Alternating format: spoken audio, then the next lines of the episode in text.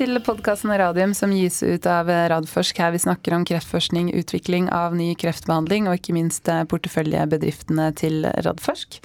Eh, dette er episode 234. Den heter så mye som Kliniske studier og Arendalsuka. Og det er blitt 22. juni, og klokken er halv tolv. Eh, vanligvis nå så skulle jeg satt eh, velkommen til Jonas Einarsson, men han har back to back møter hele dagen til langt utover kvelden, fikk jeg vite ja, det si, det har han hatt booka lenge. Eh, men eh, det har jo skjedd eh, litt, litt dramatikk, som de fleste sikkert har fått med seg med, med Nordic Nanovektor. Og den børsmeldingen som de sendte ut i går. Så vi tar en ekstra podkast i morgen, Jonas og jeg, klokken 14. Vi vil gjerne ha spørsmål. Fått inn mye spørsmål allerede om, om Nordic, så vi skal gå grundig gjennom de. Men vi skal også snakke om Ultimax og de gode dataene som de presenterer presenterte tidligere denne uken også. Så hvis det er noen som har noen spørsmål til de, så må dere også huske å sende inn det. Og så er det fint om jeg får de før klokken 13 i morgen, sånn at vi rekker å kikke på de og forberede oss før vi går i studio. Men eh, da er det hyggelig å ønske velkommen til deg, Siri Kolle, som er eh, visepresident for kliniske studier i Invento. Takk for det. Ja, Veldig og, hyggelig å være her. Ja, ja Så bra. Litt sånn stand-in for Jonas. Jeg kan ikke sitte her aleine og bable. det hadde vært veldig kjedelig både for meg og lytterne. Så det er supert at du kan, kan være her i dag. jeg sa at vi skulle ha en ekstra podkast i morgen, men jeg skal bare si et par nyheter før du og jeg skal snakke om eh, kliniske studier, som jeg vet du er veldig engasjert i jeg holdt på å si både faglig og eh, om ikke privat. Så du har stort engasjement i kliniske studier. Ja, absolutt. Veldig stort engasjement. Ja, Så bra. Og det er jo et engasjement som vi i Radforsk deler og har bidratt til eh, også. Men det kommer vi som sagt eh, tilbake til om litt. Jeg må bare nevne at det nylig ble kjent at Harald Stenmark, professor på Institutt for kreftforskning, får Anders Jares store medisinske pris. Og det her er jo en av eh, Nordens største medisinske priser, så det er jo en utrolig stor utmerkelse å få. Så vi bare sier gratulerer til eh, Harald for det. Han kjenner jo litt til arbeidet hans. Jeg vet jo han har vært mye publisert i, i store tidsskrifter som Nature og, og sånt opp igjennom, og har en stor forskningsgruppe. Eh, gjør veldig viktig basalforskning, eh, spesielt på membransystemene i cellene, hvor de eh, prøver å skjønne hvordan dette påvirker utviklingen av kreft. Så veldig, veldig morsomt. Ellers så leste jeg også nylig en leder i Dagens Medisin som går på dette med tilgang til behandling, som vi, Jonas og jeg, har diskutert mye i podkasten. Anbefaler de som er engasjert i den debatten, å gå inn og lese den. Og det er i hvert fall en leder som vi stiller oss 100 eh, bak, om ikke 110 og, eller mer.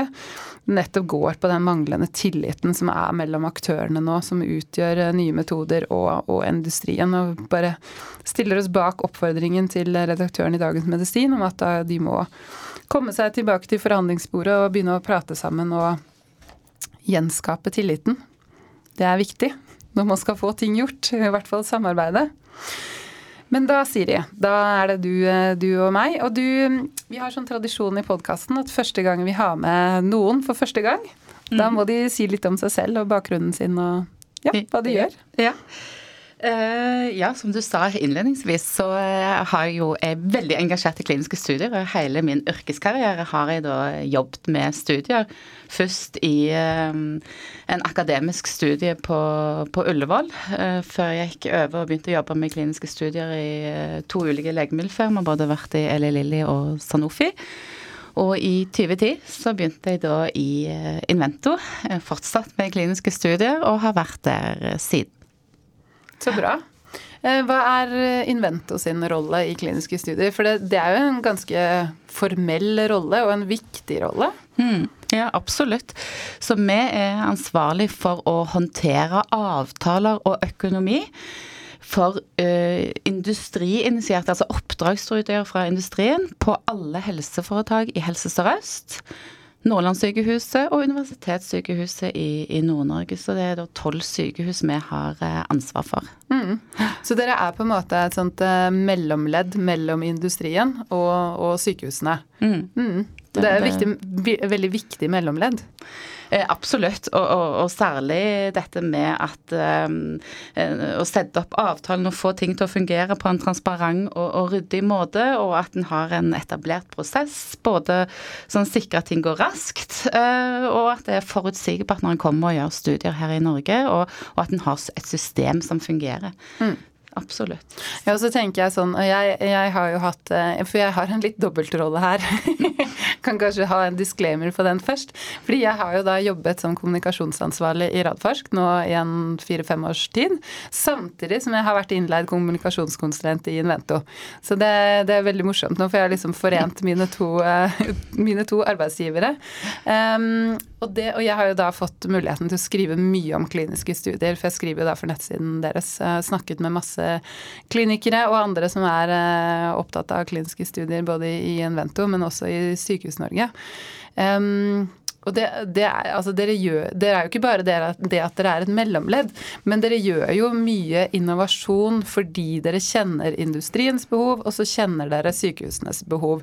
Og så klarer dere på en måte å få altså formidlet hva de trenger å formidle seg imellom. Si, ja. si litt om de tingene der. Ja. Nei, Vi jobber veldig aktivt for å tilrettelegge for flere studier i, i, Norge og ved våre sykehus. Så vi, ja, vi kjenner begge aktørenes behov og, og, ønsker. Så vi har eh, møter der vi kobler industri og forskningsmiljø. Vi har fokus på kompetanse, så vi har en del kursing i, i kliniske studier, og hva, hva er forventa når en gjør, uh, gjør studier. Og, og, og, det å kjøre industristudier i dag er, er kompleks, og den kompetansen er viktig eh, når en skal gå i gang med studier. Og ellers så har vi jo òg veldig fokus på det med eh, å ha effektive prosesser, så vi jobber mye med, med våre sykehus, men òg med industrien. For hvordan kan vi jobbe så effektivt som mulig? Mm. sånn at vi i Norge framstår som en attraktiv aktør da, for, for, industrien for å legge sine studier her. Og eh, det, det, er utrolig viktig, for vi ser at internasjonalt så er det en kjempehard konkurranse om uh, å få studier her. Mm. Og da, da, må vi være på, på ballen og, og, og, levere på det som er viktig for industrien. Mm. Mm. For, det, for det liksom landskapet her er jo på en måte at industrien kan velge og vrake hvor de skal legge kliniske studier. Um, og, og kliniske studier er kostbart. Og det på en måte begynner å koste lenge før du har innrullert første pasient. Og nettopp første pasient og den tiden det tar fra liksom en studie er planlagt til man kan komme i gang, det er kjempeviktig. Ja.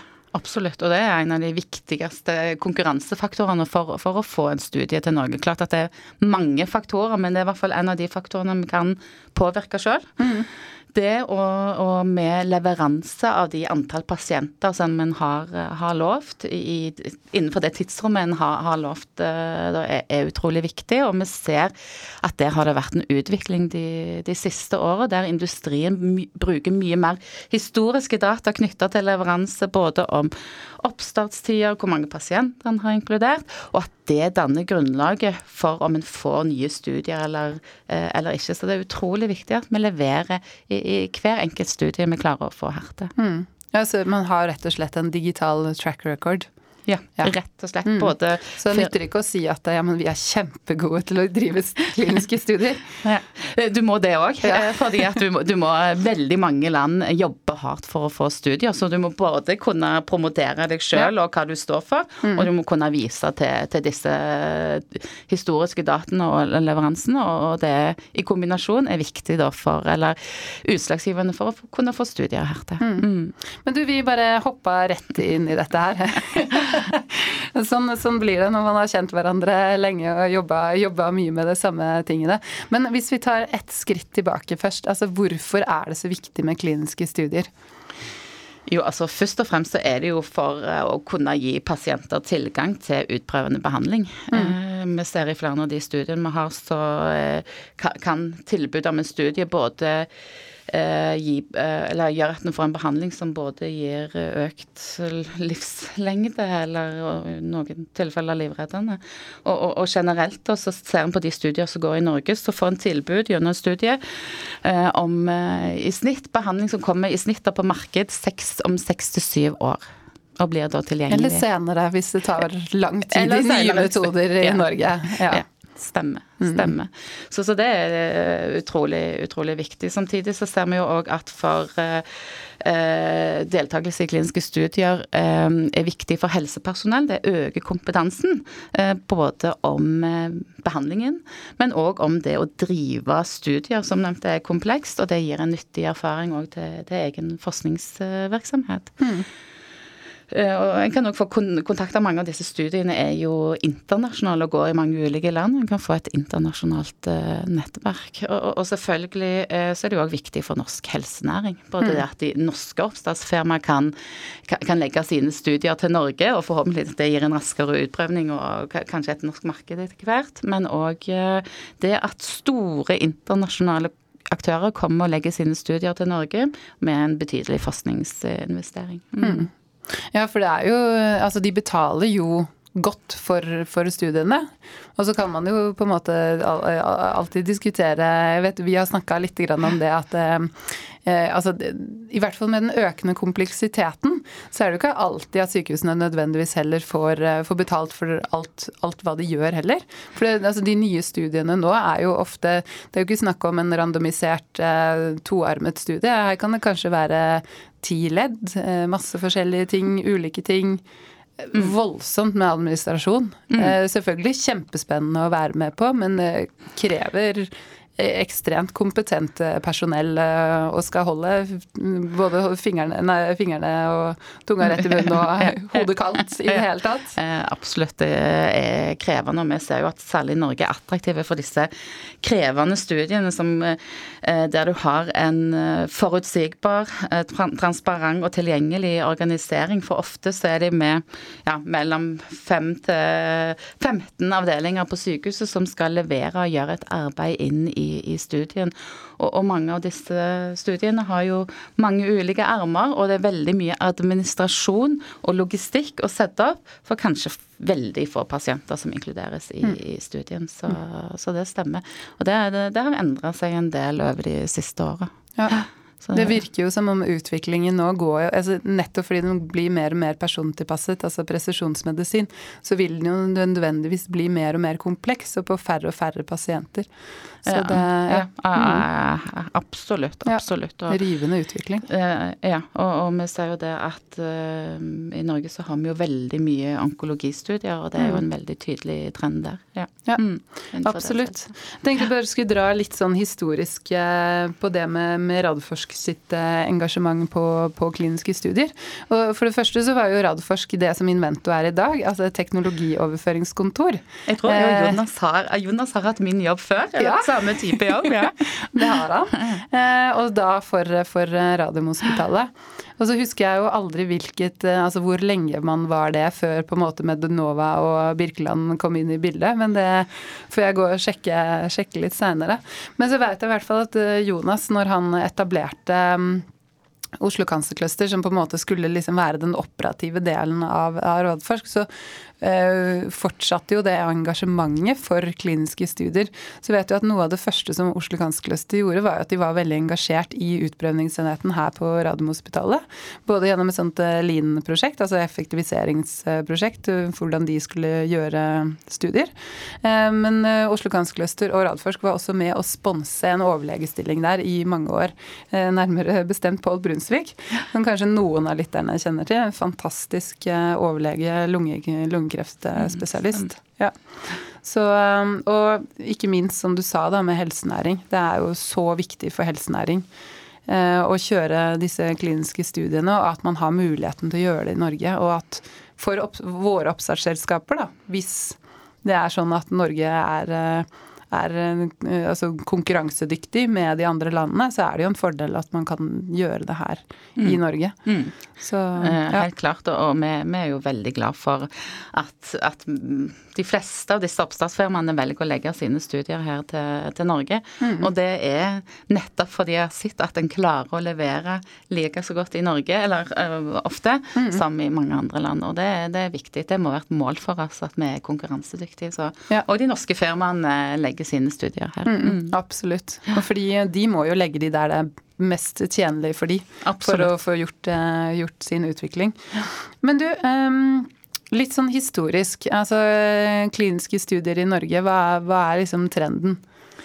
Ja, altså når det gjelder studier på oppdrag fra industri da, ja. i Norge, så har det jo vært en ganske kraftig nedgang over mange år eh, i Norge. Og den har stabilisert seg de siste eh, fem til ti år på et relativt lågt, eh, lågt nivå. Og, og, Norge ser bl.a. til de andre landene i Norden, så er Norge det landet i Norden som eh, har færrest kliniske studier. da.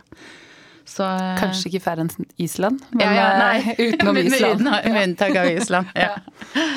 Så, eh, men eh, så i fjor så, så vi for første gang på veldig lenge en, en liten oppsving. Mm. Eh, det var en økning på 19% fra 2020. Mm. Så vi håper jo kanskje da at dette er starten på en ny trend, samtidig som vi ikke kan si noe sikkert, og det er bare Nei. tall fra et år. Men mm.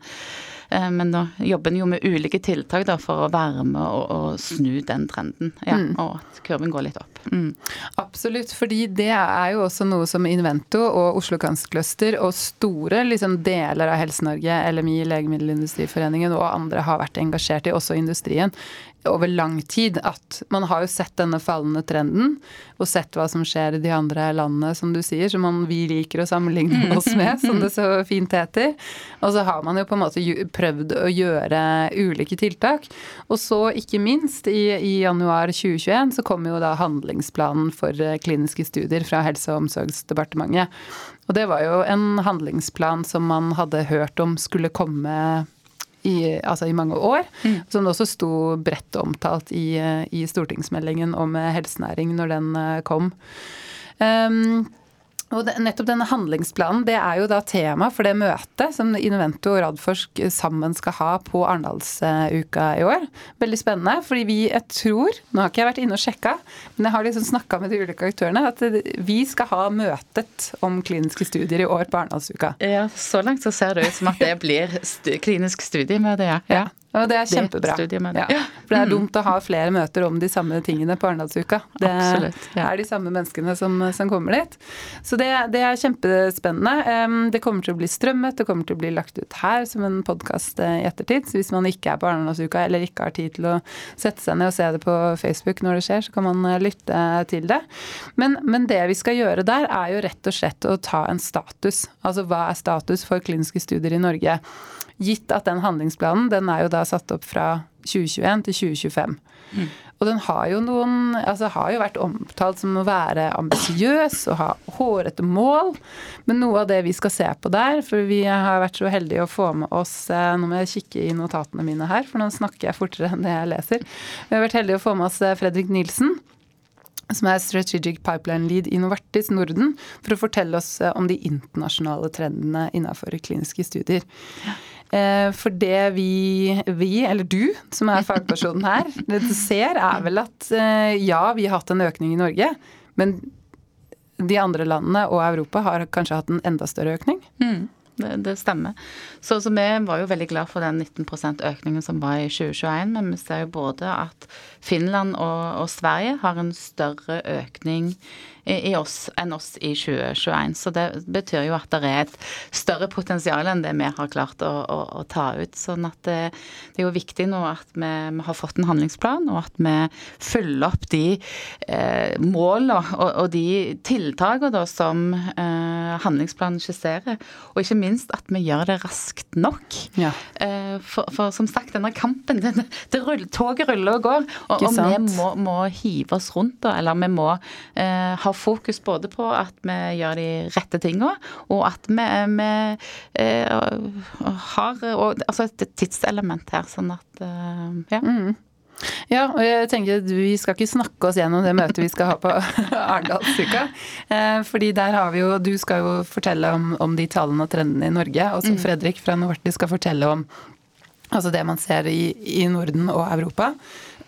og så skal vi også ha med oss eh, Marianne van der Weel fra, fra, Helse- og omsorgsdepartementet, som er på en måte ansvarlig for handlingsplanen. Ikke hun alene, da, stakkars, men det er jo hun. Mm. Hun har på en måte jobbet eh, og hatt, eh, hatt ansvaret for den. Um, og også Terje Rotfeldt, som er administrerende direktør i Helse Sør-Øst, også styreleder for Nordtrials. Og dette med Nordtrials er jo litt viktig her, for det har jo på en måte seilt opp som kanskje et av de viktigste tiltakene i handlingsplanen. Um, og det kom jo allerede i statsbudsjettet Ja, det var jo en del måneder før handlingsplanen kom, altså i 2020. Så, så bevilget jo da forrige regjering en del midler til, uh, til nettopp det med Nordtrials. Kan ikke du si litt hva har skjedd så langt? Ja, ja. Nordtrials det blei eh, etablert nå i januar 2022. Eh, Eh, og der har han da brukt en del tid på å finne ut hvordan strukturen og organiseringen av Nortrials skulle være. Og for de som ikke kjenner Nortrails, så er det et av tiltakene i handlingsplanen der målet er å øke antall industristudier. Og Nortrails er da et partnerskap mellom industrien og, og helseforetakene i Norge. Mm. Uh, og da har han etablert et sekretariat uh, som ligger ved OS. Og så har han valgt seg ut seks uh, terapiområder der han etablerer Nortrails Center, som får tilført midler da, for å få flere studier på disse terapiområdene. Men de studiene skal, altså disse seks sentrene er lagt hver, til hver sitt universitetssykehus. Ja. Men målet for disse sentrene produsentene er jo å få med seg hele Norge, og at uh, ja, at vi òg øker aktiviteten ved mindre sykehus og får fordelt at pasienter i hele Norge da får et tilbud om studier. Så de skal på en måte være litt sånn huber, og så skal de andre sykehusene være satellitter? Ja. Stemmer. Jeg husker ikke disse terapiområdene i hodet, bortsett fra kreft og sikkert nevro. Ja, ja. stemmer. uh, Vet ikke om du husker alle sammen? Ja, det er hjerte-kar. Ja. Uh, det er um, gastromedisin. Mm. Eh, og det er medisinsk utstyr. Mm. Eh, også den siste er vel eh, autoimmun Altså mer inflammasjonsmedisin. Ja. Ja. Mm. Så store sykdomsområder. Ja. Det, og også områder hvor man på en måte er langt framme innen forskningen.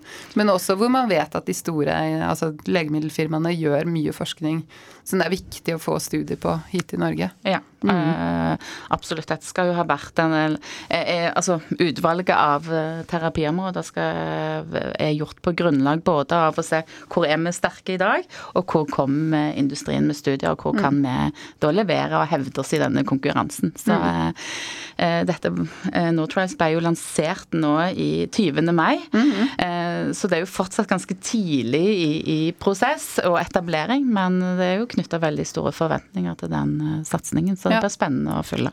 Ja, Det blir spennende å høre også hva, hva Terje kan si litt eh, om, om, det som skjer der også. Hvis han kan si liksom litt mer enn det som har vært eh, ute nå. Ja. Vi skal også ha en politiker- og fagdebatt. Du må si det, det er jo ikke alle bare politikere i, i det panelet. Hittil så har vi fått bekreftet at Bård Hoksrud fra Frp kommer, så det er vi veldig glad for. Mm. Og så har vi fått tilbakemelding fra Helse- og omsorgsdepartementet og eh, Arbeiderpartiet, at de ikke kan stille med noen, det syns vi var eh, litt eh, overraskende.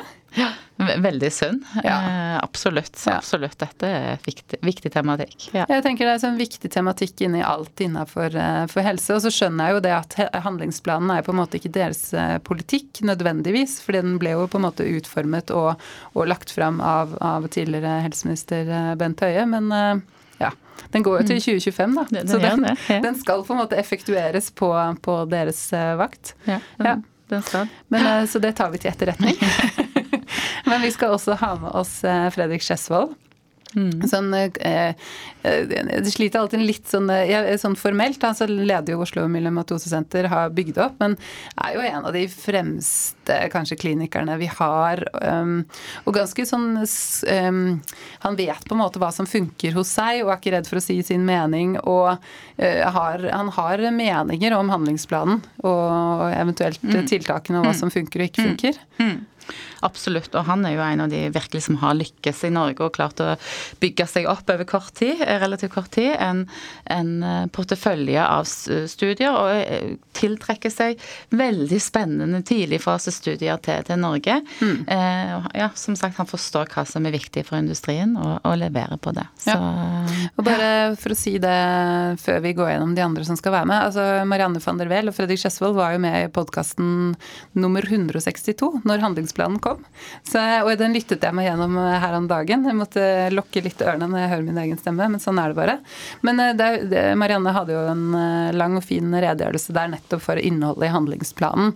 Og, og, Fredrik også har jo sine synspunkter der, så det blir spennende å høre. For det er jo da halvannet år siden snart at de var her. Spennende å høre igjen mm. hva de har å si. Um, I tillegg til de så kommer Jonas Einarsson.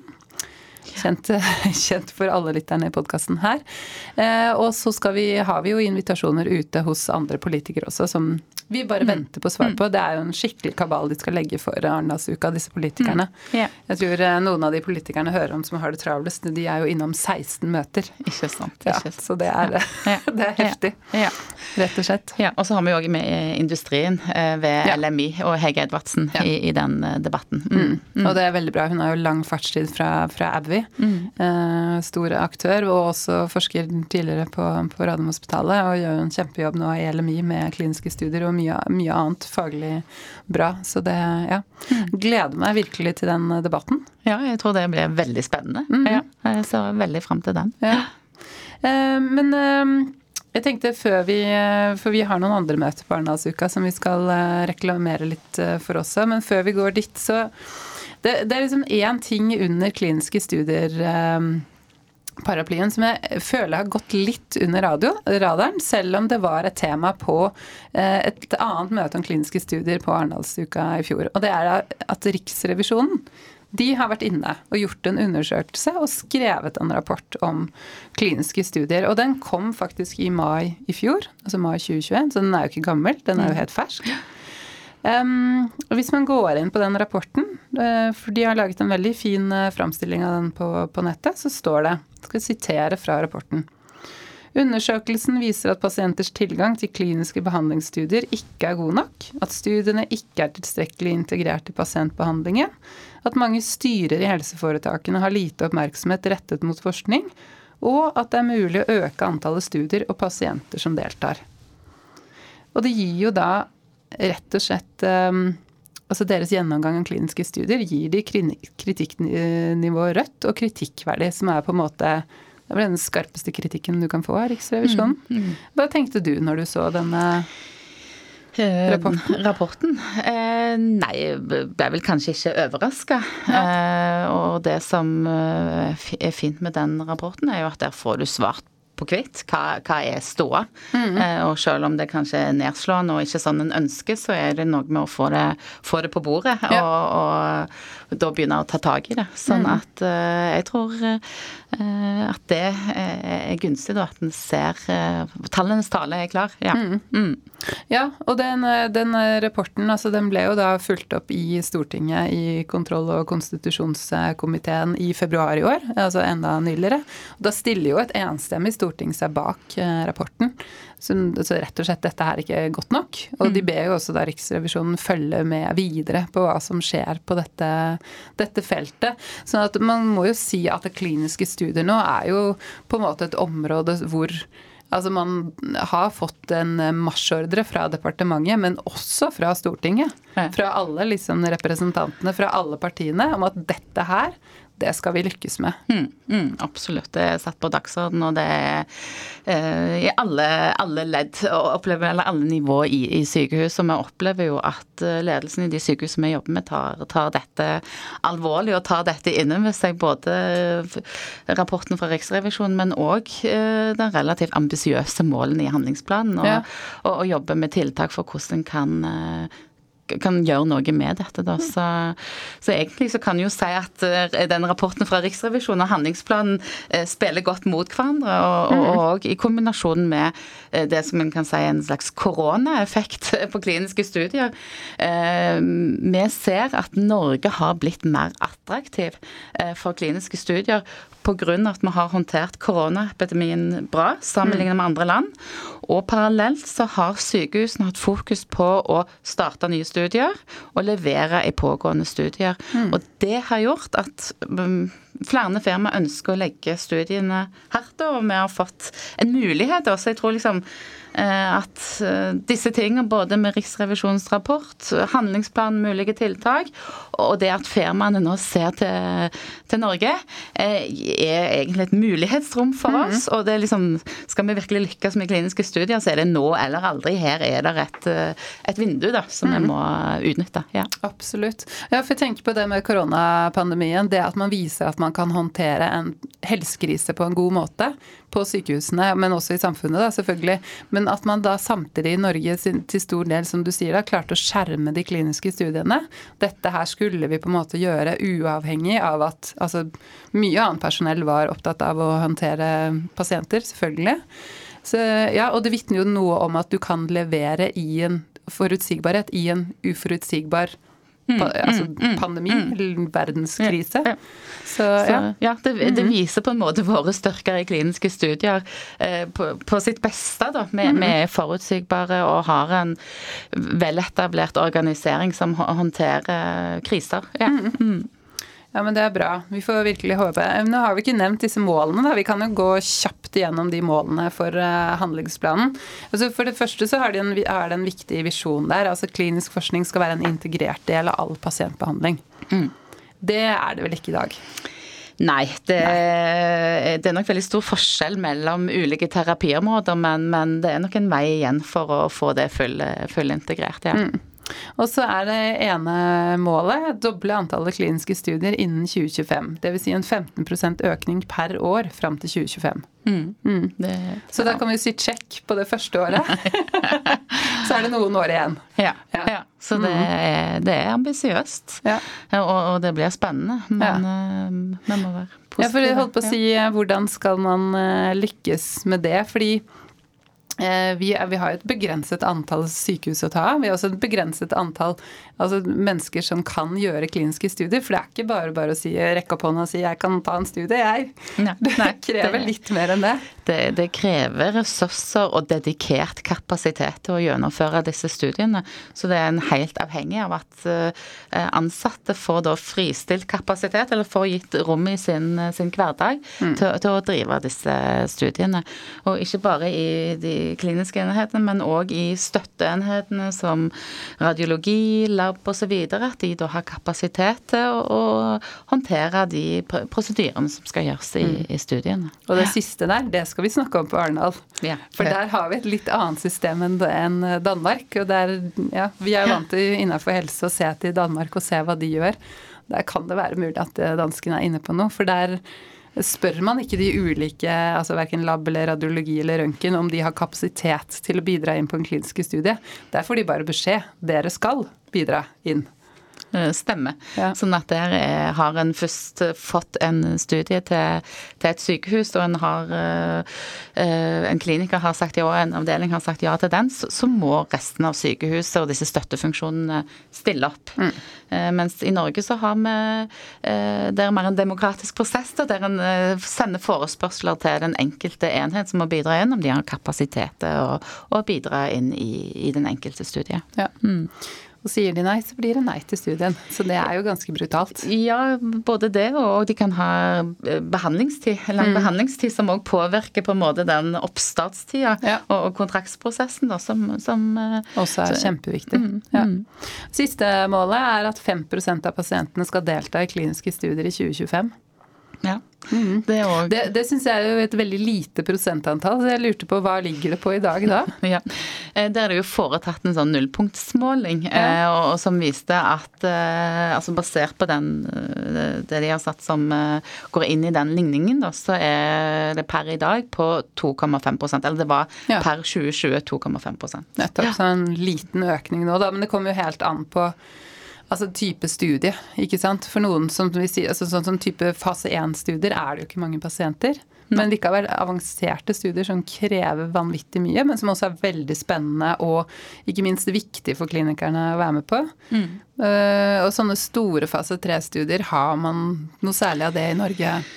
Ja, altså vi, vi, ser jo at vi har eh, mye. Eh, at det har vært si, Tidlig fasestudier fra 1 fase 2 har det vært en økning av over tid, men, men det som skyldtes den store økningen i, i 2021, var jo økningen i fase 3-studier. Ja. Men det er ikke disse store fase 3-studiene som vi er vant med, som kanskje var for ti, ti år siden, der en inkluderte eh, mange hundre eller mange tusen pasienter. Eh, de fase 3-studiene vi får herte, de er komplekse. og, og og som har vært inne på eh, krevende studier, der en òg skal ha ganske få pasienter inne i, i denne fase tre-delen. Mm.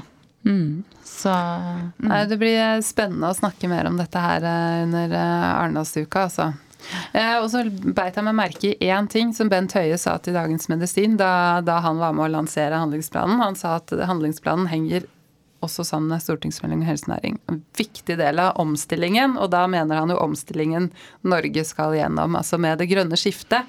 Men hvor jeg tror noen glemmer liksom helsenæring, for vi er ikke grønne på den måten. Men eh, ja. Det er en viktig del av den omstillingen. Eh, helt klart. Helt mm. klart. Eh, definitivt. Men uh, helsenæring det er jo et stikkord til de andre møtene vi skal ha på Arendalsuka. Invento har et møte til sammen med en rekke andre aktører. Kan ikke du si litt om det møtet? Ja. Vi skal òg ha et møte med, de, med andre cluster. Eh, så da Invento eh, Life Science Cluster, ShareLab, Oslo Cancer Cluster, Norway Heltech og Alip skal i fellesskap ha et møte der vi ser på hvordan kan vi få til mer innovasjon. Sånn mm. at det, Der er det jo, har han jo vist at det kommer ganske mye eh, kommersielt fra våre akademiske institu eh, institusjoner, og at det er en betydelig verdiskapning. Samtidig så er det jo et sterkt ønske om å, å få til mer.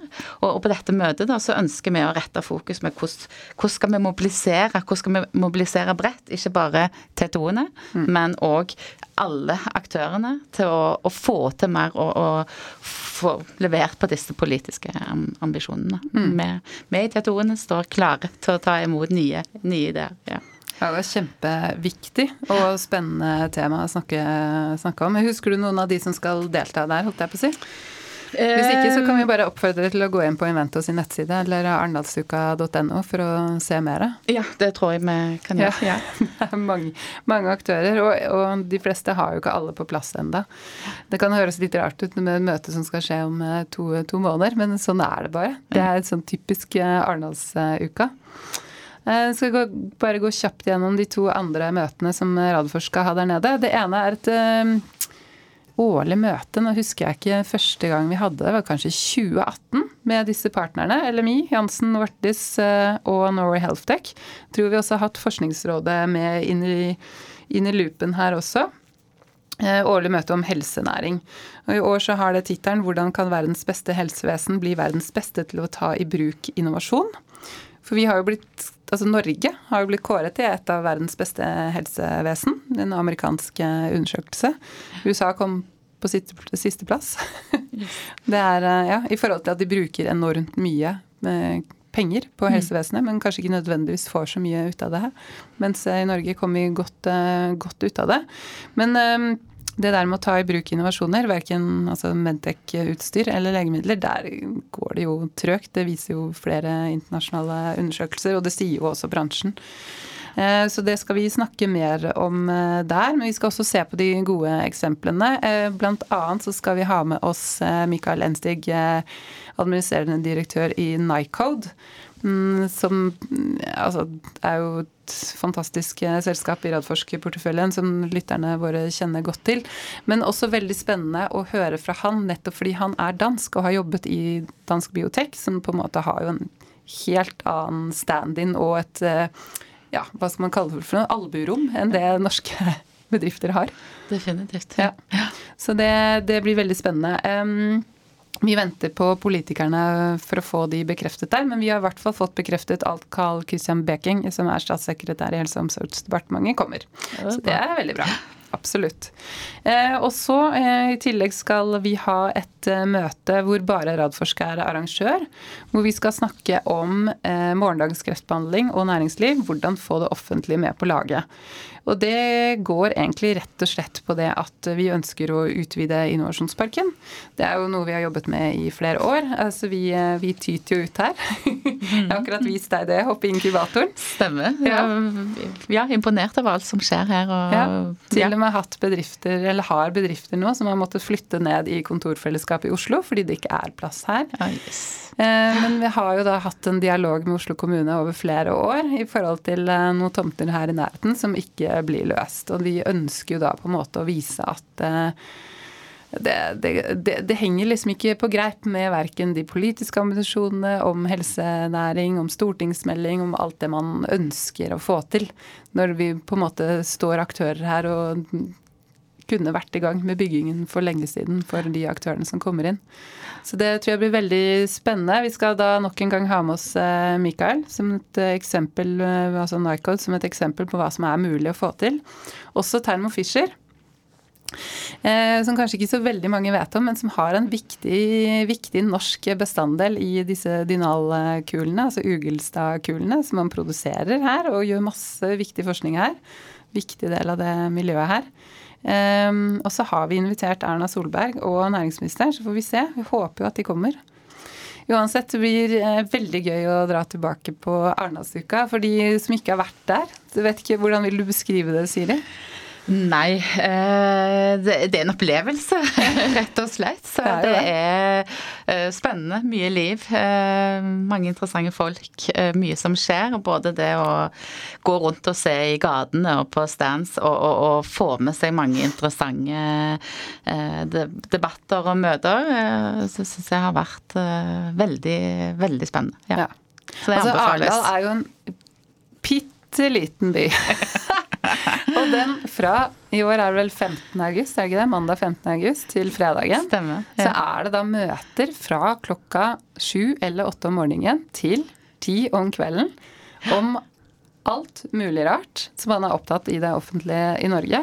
Eh, og politikere inviteres jo ned og er med i debatter. Altså, og det er jo på en måte en litt sånn jeg pleier litt sånn spøkefullt Stine, litt sånn leirskole for voksne. Men hvor man snakker om veldig viktige ting. For det handler jo på en måte om samfunnsutfordringer man har i dag eller i framtida. Hvordan skal man løse dette?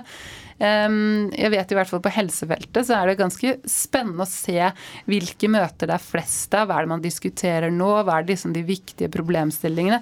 For det gir liksom litt sånn pekepinn på politikken og utfordringene som kommer. Mm.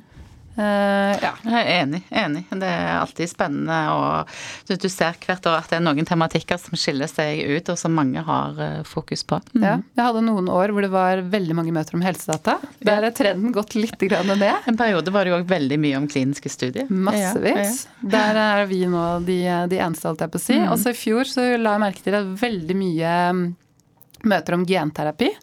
Eh, for det er jo vært litt sånn vanskelig i Norge, spesielt på, på tilgangssiden. Der har vi lykkes med kliniske studier. Mm. Mm. mm. Absolutt. Det har vært et vanskelig regelverk, og også vanskelig å diskutere det med altså betalingsvillighet. Mm. blir det jo særlig, For dette er jo veldig dyre behandlinger. altså mm. Hva skal man ta seg råd til? Mm. Så ja, jeg har ikke hatt tid til å kikke på programmet, så jeg er veldig spent på hva er liksom helsetrenden. Har du rukket det? Nei, jeg har heller ikke rukket det, men jeg gleder meg til å få fordype meg i det og plukke de, de møtene som ja. er spennende. Ja. ja. Og de som ikke skal på Arendalsuka, det som da faktisk har skjedd gjennom pandemien, er at nå strømmer alle møtene der nede. Sånn at eh, det er bare å gå inn og se på arendalsuka.no. Eh, de aktørene som strømmer, der blir du ofte liggende ute på Facebook. Også som oss, da, som også lager en podkast. Det er masse muligheter til å, til å få det med seg. Ja, det er superflott. Mm -hmm. så, sånn opplevde jeg Arendalsuka i fjor. Ja. Og, og, fikk med meg en del arrangementer digitalt, og det funka veldig bra. Ja. Mm -hmm. Jeg hadde gleden av å være der nede, og så tenkte jeg sånn I år er det sånn passe med folk og passe med møter på Arendalsuka, men det var jo litt sånn nedeår, mm. fordi man ikke visste helt hva som skulle skje med pandemien. Så min spådom i år er at det kommer til å være tjåka fullt. Ja, det tenker jeg òg. Ja. Med folk og arrangementer. Så det blir uh, veldig stas. Men du, tusen takk for at du tok deg tid til å komme i studio, Siri. Ja, tusen takk for at jeg fikk komme. Mm. Ja. Veldig fint å få snakka med kliniske studier. Og da tenkte, nå har vi liksom tisa hva som kommer. Mm. Så dere som vil høre fortsettelsen, får eh, tune inn 16. Eh, august. Ja, det håper jeg dere gjør. Klokken to. Ja. Klokka to, ja. ja. Så bra. Så uh, sier vi vel, uh, vel hørt til i morgen klokken 14. Så husk at hvis dere har spørsmål, enten da om Nordic Nanovektor eller Ultimax, så vet dere hvor de skal, dere skal sende de. Så høres vi i morgen. Flott. Ha det bra. Ha det.